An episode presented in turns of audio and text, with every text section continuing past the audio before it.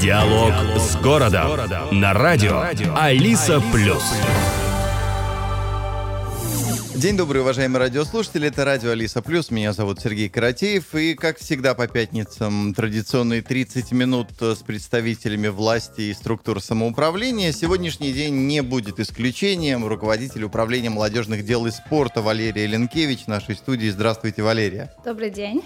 Я приглашаю наших слушателей активно принимать участие. Что касается молодежи и спорта, вопросы сегодня от вас я ожидаю в студии. Позвонить можно по номеру 654 20 2530. А, также в Фейсбуке можно нас смотреть. А, и в комментариях оставлять там вопросы тоже можно. Я постараюсь в течение программы их в эфире озвучить. Ну, уже совсем скоро завершится учебный год, и у школьников начнутся каникулы. И в этом году самоуправление Даугавпилса предлагает школьникам как поработать летом, так и отдохнуть в детских лагерях, а также посетить и поучаствовать во множестве спортивных мероприятий. Об этом, собственно, и поговорим в ближайшие 30 минут. Расскажите, как будут организованы летние лагеря в этом году? Что это будут за лагеря? Сколько их? Как они будут работать? Можно ли туда еще попасть? Ну, давайте, давайте начнем. Ну, так как мы являемся э, учреждением и спортивным, и молодежным, лагеря у нас тоже делятся и на спортивные, и молодежные. Что касается спортивных лагерей, то они формируются э, спортивными школами. В них попасть могут только ученики наших спортивных четырех школ, и сами школы вводят в систему воспитанников, которые пойдут в лагеря, и только тогда родители в нашей системе могут акцептировать ребенка и попасть в лагерь. В этом году у нас будет э, четыре круглосуточных лагеря, которые проходят на базе, на базе Цинтеринч в Стропах. И эти лагеря у нас э, начнутся 3 июля. Э, также у нас будет 8 дневных лагерей в течение всего лета. Э, дневные лагеря тоже проходят на всех спортивных объектах города э, для каждого вида спорта отдельно. И эти лагеря у нас стартуют уже первых два лагеря 2 июня. На 2 июня на лагерь уже все путевки выкуплены, все договора заключены, свободных мест нет в спортивных лагерях. Но как э, формируется работа именно спортивного лагеря? За месяц до начала лагеря родители должны выкупить путевку свою, и заключить договор с нами. Зачем мы делаем это так заранее? Так как это спортивные лагеря и у нас нет очереди ожидания, то если вдруг вы решили или по каким-то обстоятельствам ваш ребенок не может пойти в лагерь, тогда у нас есть возможности системы удалить этого лагеря, э, воспитанника, и спортивная школа может добавить туда нового воспитанника, таким образом обеспечив э, место другому ребенку и не оставив свободное место в лагере. И также это влияет формирование команды, которая будет работать в лагере, потому что по правилам кабинета министра у нас сказано, что на 10 детей должен быть один воспита- воспитатель. То есть если у нас не набирается количество детей, то, естественно, команда будет меньше. Поэтому мы просим это делать заранее, и родителей просим это делать тоже своевременно. Э, также информация о молодежных лагерях. У нас в этом году будет один круглосуточный лагерь, как и всегда, он проходит в интернат-школе Стропах. Э, скажу сразу, что во все молодежные лагеря тоже путевки уже выкуплены, и очередь очень большая, и выкупленные путевки были за 10-15 минут в течение дня, когда была возможна регистрация. Э, и также у нас будет 20 э, дневных лагерей молодежных. Мы добавили в этом году еще два новых лагеря. В этом в прошлом году их было 18, то в этом году на базе Саула школы будут проходить еще два новых лагеря. Таким образом мы чуть-чуть сокращаем очередь детей, добавив 80 еще мест в самоуправлении, куда это, конечно, большой плюс для родителей и для самоуправления, но в среднем очередь э, в молодежных лагерях где-то 50-70% по соотношению мест, которые доступны. То есть если у нас доступно 40 мест, то за бортом остается в каких-то лагерях остается 40-50 детей, а в каких-то, где может больше очереди, родители больше желают поступить, там вообще остается и 100, и 160, и даже 200 детей за бортом. Э, что касается молодежных лагерей, э, по нашим правилам родители до начала лагеря за 5 рабочих дней должны выкупить путевку и заключить с нами договор но мы просим родителей не тянуть до последнего, а делать это заранее, э, так как, чтобы не создавать очередь, во-первых, в последние дни пойдет очень много людей, и вам же самим же придется потерять время, стояв в очереди, заполняя, ждав, пока вас принят работник, чтобы заполнить все нужные документы. Также это можно делать все электронно. Вы, когда регистрировались, вам на компьютере выскакивала вся информация, в мейле тоже присылалась на электронную почту вся возможная информация, как это сделать электронно, то это тоже возможно сделать. И также оцените возможность, если вдруг вы не идете в лагерь или вы зарегистрировались, попали в два лагеря и решили идти только в один, просьба тоже отказаться заранее, чтобы мы в последних пять дней не искали э, людей, которые, ну, не по, э, у нас же очередь ожидания создана, и когда кто-то отказывается, мы с очереди ожидания предлагаем родителям пойти в лагерь, чтобы это было быстрее, возможно сделать, то родителей просим тоже не откладывать на последний момент, а заранее сообщать, что они передумали, передумали идти лагерь, или у них поменялись какие-то планы, или ребенок, не дай бог, заболел, то просьба сообщать, чтобы мы могли тогда корректировать эту очередь. Что касается и спортивных, и молодежных лагерей вместе, то э, за начало, до начала лагеря за три дня, если вы вдруг уже оплатили путевку, но передумали или по каким-то семейным или обстоятельствам не идете в лагерь, вы можете прийти или электронно написать заявление в управление по делам молодежи и спорта о возврате денег и о том, что вы не идете в лагерь, и мы вам вернем всю стоимость путевки.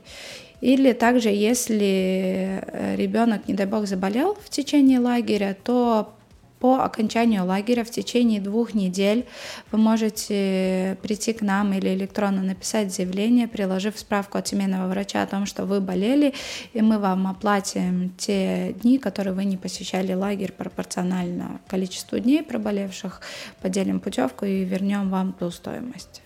Ну, значит, из, из вышесказанного следует, следует следующее, что Спрос есть, да? То есть большой. Большой спрос. Почему? Это в этом году или так всегда? Это всегда. В этом году мы еще даже создали два лагеря, чтобы хоть чуть-чуть, ну, хоть как-то облегчить эту очередь. Но сильно, когда у нас очередь более 800-900 детей, то этих там два лагеря, они там картину большую, конечно, не делают. Но мы делаем все возможное, чтобы создать как можно больше этих лагерей. Но вот этот процент софинансирования, который родители платят, э, может быть, самоуправлению больше лагерей открывать? Э, самоуправление оплачивает зарплату педагогов, то есть это тоже не, мы, если мы всю всю путевку положим на родительские плечи, то это будет очень дорого, и ну, насколько будет пользоваться спросом тогда эти лагеря. Мы, может быть, э, мы уже задумались о том, что стоит провести опрос среди родителей и высчитать, если мы сделаем полную путевку, сколько это стоит и без вклада самоуправления, ну или какой-то вклад, естественно, помещения предоставленные бесплатно, потому что это на базе самоуправления. То есть если мы вложим зарплату педагогов, то сколько это будет стоить, мы посчитаем на этот год, но, естественно, мы Пытаемся в следующем году открыть еще больше лагерей с поддержкой самоуправления. Будем надеяться, что нас поддержат, потому что спрос и очереди очень большие. И мы понимаем, что родителям некуда деть детей летом, что они хотят их устроить хотя бы на какое-то время в лагерь, чтобы ребенок и развивался, и был под, приспро... под присмотром. Да. Давайте примерно, сколько, сколько лагерей, значит, будет работать всего? Четыре спортивных? Э, четыре круглосуточных спортивных, угу которых посетят 658 детей. За все лето, За да? все лето. Это 4... сколько смен? Это 4 смены. Угу. 4 смены. Потом у нас будет 8 э, дневных спортивных лагерей, и туда пойдут более тысячи спортивных школ воспитанников. И потом у нас будет 20 э, дневных лагерей куда тоже посетят более полтора тысяч, две тысячи школьников. Все около трех тысяч школьников да, за лето отдохнут, да, да, да. И еще у нас есть один круглосуточный лагерь, куда пойдет 40 детей на стропы. Так что да, мест мы создаем, стараемся больше, но по возможности. 654-2530, номер телефона прямого эфира. Сегодня руководитель управления молодежных дел и спорта Валерия Ленкевич в нашей студии. Я приглашаю наших радиослушателей, если у вас есть вопросы по спорту и молодежи, звоните в студию 654-2530. А, давайте еще одну тему возьмем, достаточно большую. Это молодежное трудоустройство. Эта программа пользуется, э, пользуется популярностью, как это было раньше, или уже не настолько? Пользуется, ничего не поменялось, все так же у нас очереди, э, тоже заявки, в день заявок уже в течение, наверное, 20-30 минут была заполнена полная регистрация, и попасть уже в трудоустройство э, только возможно было в лист ожидания. Э, очереди большие. И, Насколько большие? Где-то за бортом у нас сейчас на данный момент уже теперь где-то 600 детей. Но в начале года, когда мы утверждали городской бюджет, у нас было созда- создано 1725 рабочих мест. Когда мы осознали, увидели эти очереди, в апреле месяце депутаты города добавили еще 100 рабочих мест. Сейчас на данный момент у нас 1825 рабочих мест, то есть 100 детей из листа ожидания попали на работу мы тоже понимаем, что надо развивать эту программу, и дети хотят работать, и очереди большие.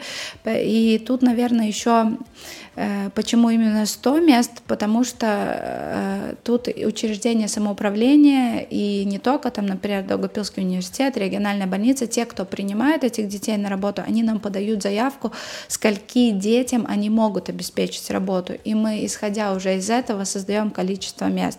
Мы бы, может быть, могли не 100 дополнительных мест, а подумать и создать и 150, но э, тогда э, учреждения не могут принять больше, чем они чем они запросили. Им нечего даже дать этим деткам для работы.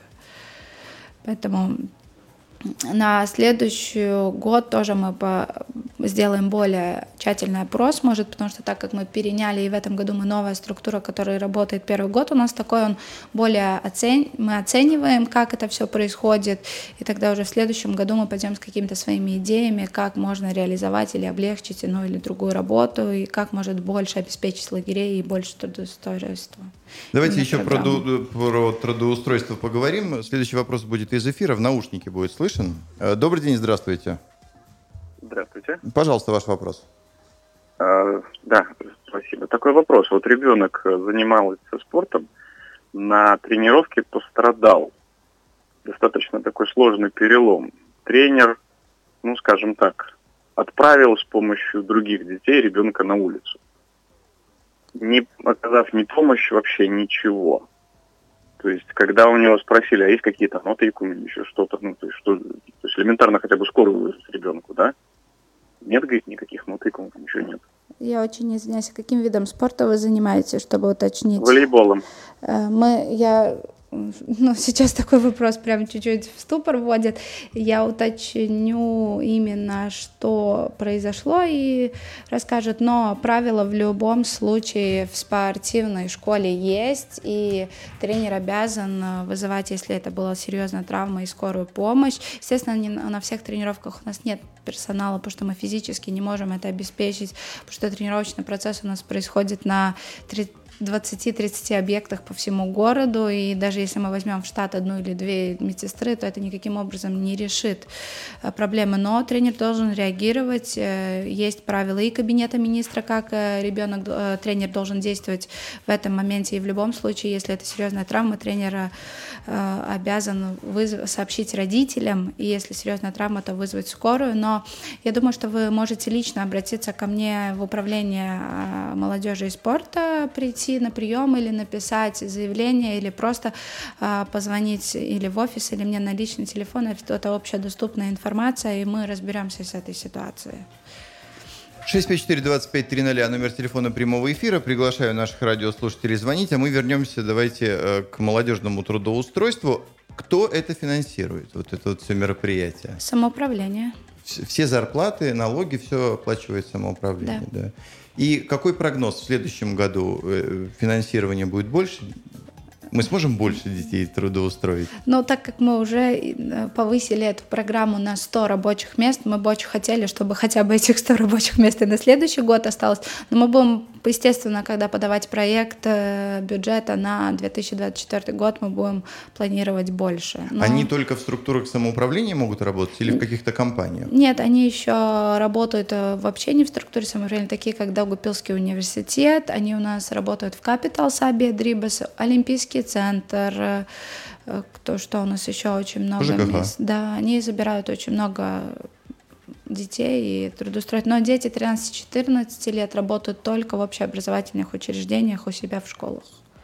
Если какие-то компании желают, э, Нет. Не, нельзя. Тогда. Для компаний есть э, программа Валс Нодербинат и агентура ее реализуют, где они могут с помощью НВА поучаствовать в проекте, и НВА им будет софинансировать там в районе 50-60% от зарплаты ребенка. У них есть, полный рабочий день? Или... А, да, в программе НВА, да, у, в программе соуправления э, до 17, до 18 лет дети не имеют права работать, работать полный рабочий день, а с 18 они уже работают полный рабочий день. 654-2530, номер телефона в студии. Говорим о молодежи и спорте. И приглашаю наших радиослушателей вопросы на эти темы тоже задавать. О спортивных и молодежных мероприятиях этого лета давайте поговорим. Какие из них будут ну, самыми значимые и запоминающиеся? Ну, сейчас бы хотелось начать не с лета, а еще с весны.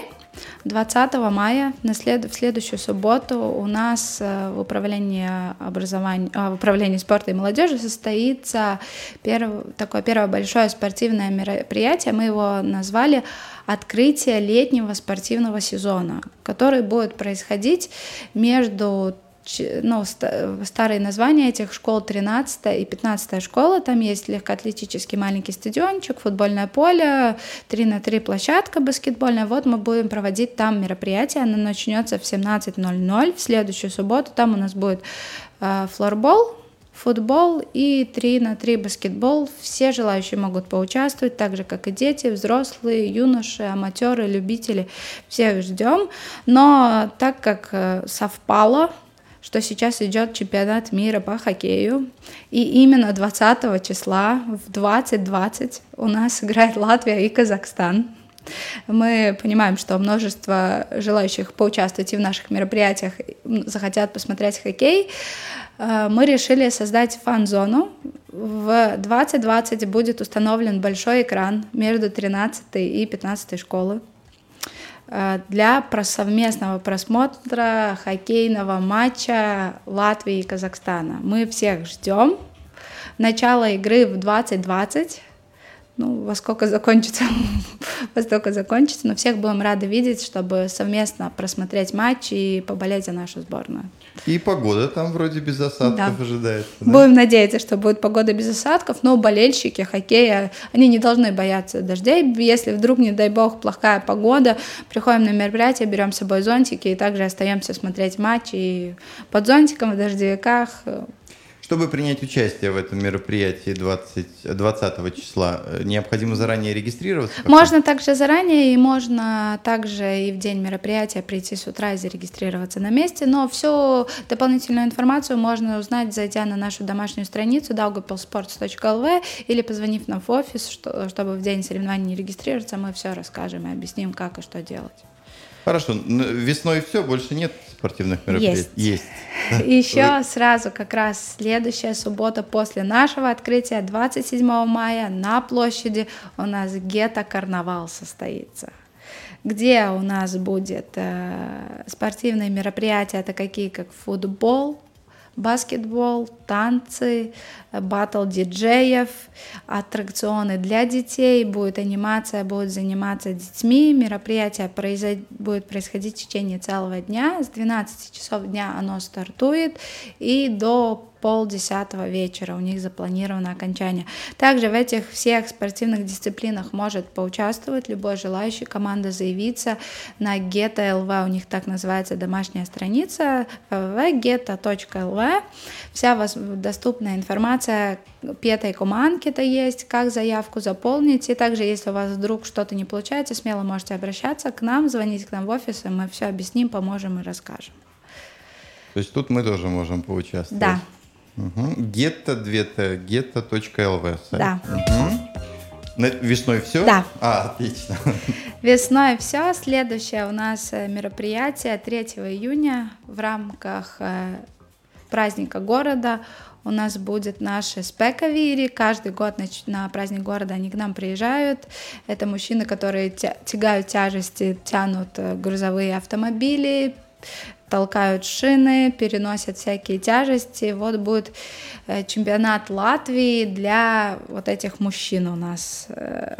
Э, и 4 июня... Э, подождите, подождите, да. а мы участие там можем тоже принимать? Нет. Не можем. Там только профессиональные спортсмены. Завозные. Потому что, да, ну потому что там тяжести. Э, на самом деле можно поговорить с организатором мероприятия, и кто-то, кто физически способен, он может принять участие. Можно тоже с нами связаться, и мы узнаем, как это сделать. И, и... Но надо оценивать свое здоровье, потому что там тянуть придется фуру, таскать эти огромные шины от трактора, они переносят тяжести, поднимают там неимоверные килограммы на скорость, кто больше сможет, там прям такое совсем тяжелое испытание. Как шоу. Тогда да, мы идем это больше как шоу. как шоу. Нет, если кто-то прям очень хочет поучаствовать, естественно, могут позвонить, мы узнаем, как это сделать, но оцените свое здоровье.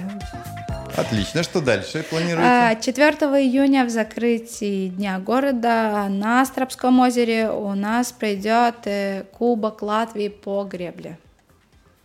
А, всех тоже приглашаем, организует мероприятие э, Федерация гребли. Будут участвовать и также наши детки наших спортивных школ, и уже те, кто выпустили спортивные школы, поэтому всех приглашаем. И на завершении 4 июня в 18.00 на стадионе «Локомотив» будет домашний заезд, домашняя гонка. Приходим болеть за наших спидвеистов. На этом мы завершим праздник города. Потом следующее мероприятие большое летом у нас состоится 29 июля артишок. Э, все привыкли к тому, что артишок происходит в начале сентября, да. 2 сентября. В этом году мы решили поменять концепцию, так как э, создали структуру спорта un jaunatnes департамент или спорт un jaunatne.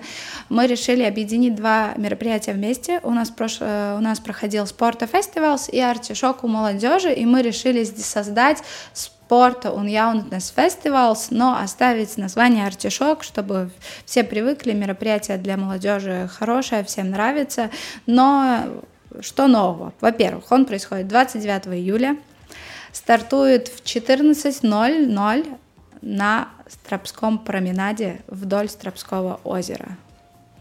Э, будет и молодежные станции, и спортивные станции.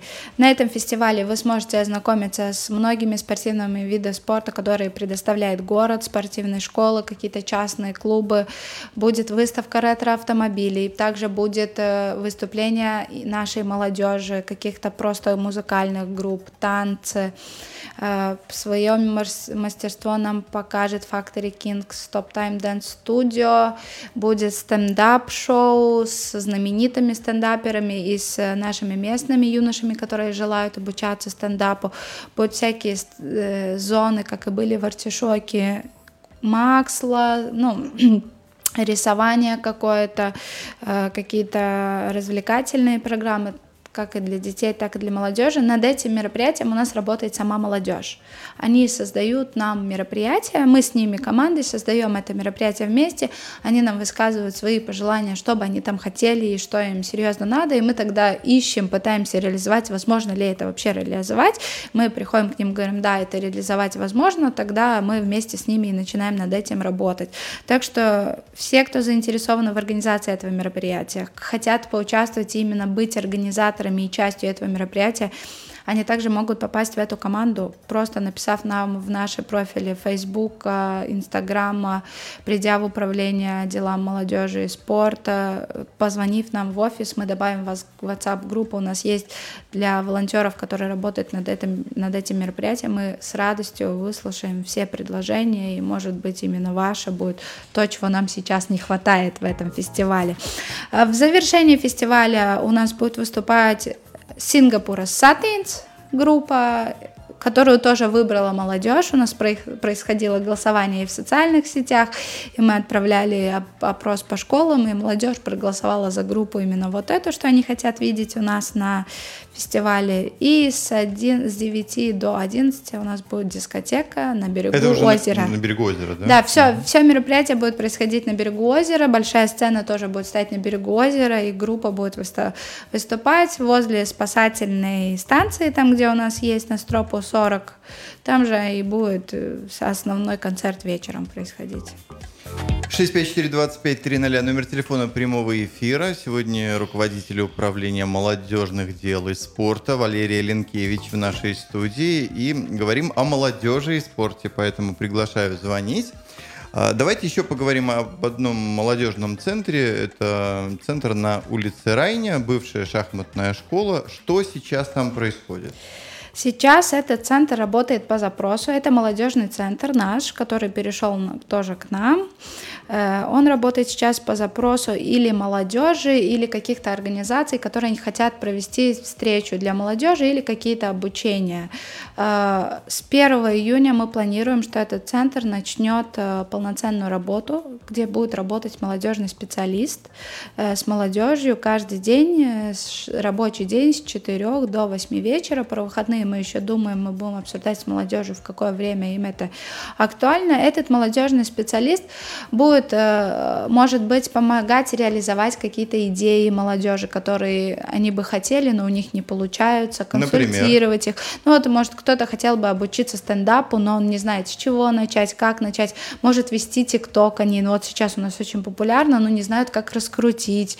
Может... То есть у нас будут там находиться такие специалисты, да. которые по помогут. Э, помогут направить в нужный Тогда путь. вопрос, молодежь, это с какого по какой возраст? Э, вообще мы не сильно смотрим, когда заходит молодежь, они регистрируются, год рождения мы не спрашиваем, но приглашаем детей, э, молодежь с 13 до 25 лет.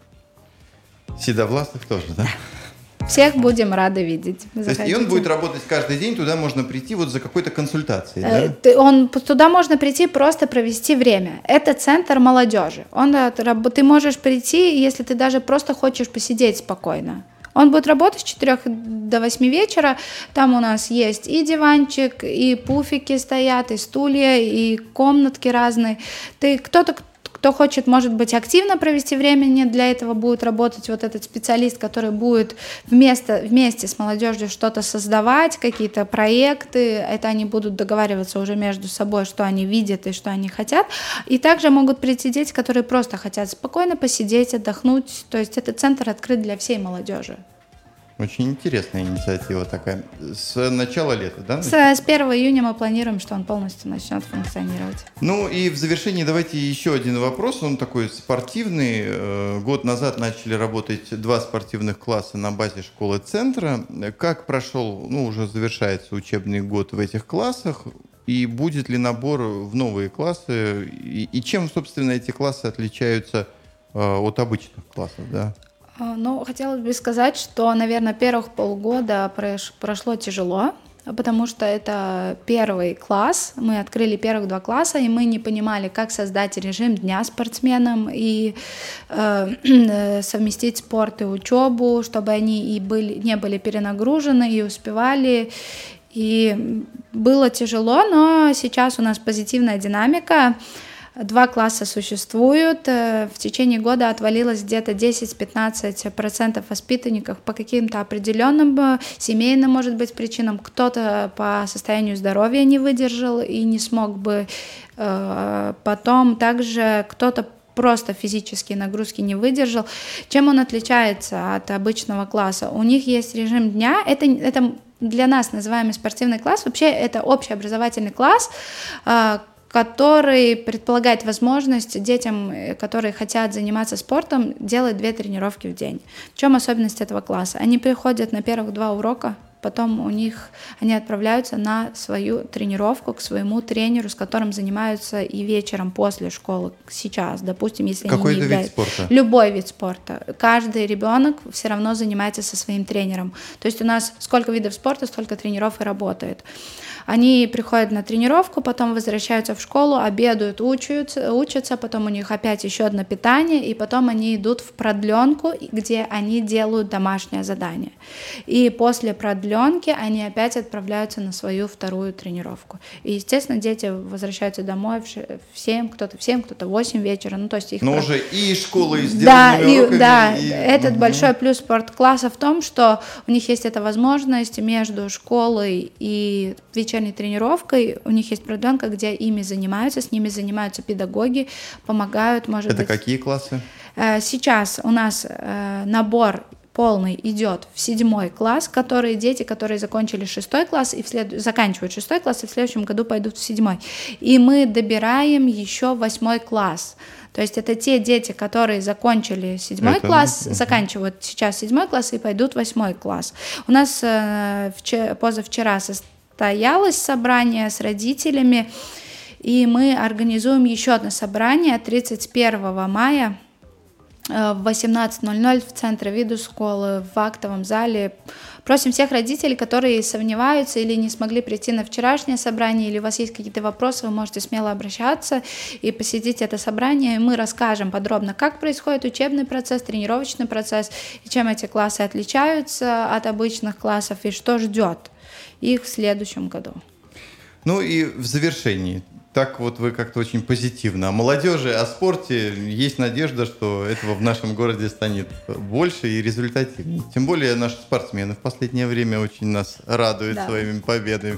Может быть, что-то осталось недосказанным, что бы вы хотели сказать жителям, молодежи, ну и, собственно, спорту? А, молодежи я бы хотела пожелать, э, чтобы они были более активны. Мы открыты, наше управление открыто к диалогу, открыто к реализации ваших идей. Приходите к нам, э, не стесняйтесь, разговаривайте. Если у вас есть какие-то вопросы, вам требуется помощь, можете смело обращаться к нашим молодежным специалистам. Находимся мы на Кандова 17А, в офис заходите. Ну что, спортсменам удачи, сейчас лето, сезон спортивный начинается во многих видах спорта, у кого-то заканчивается, у кого-то начинается, но всем удачи. И жителям здоровья и удачи и прекрасного лета.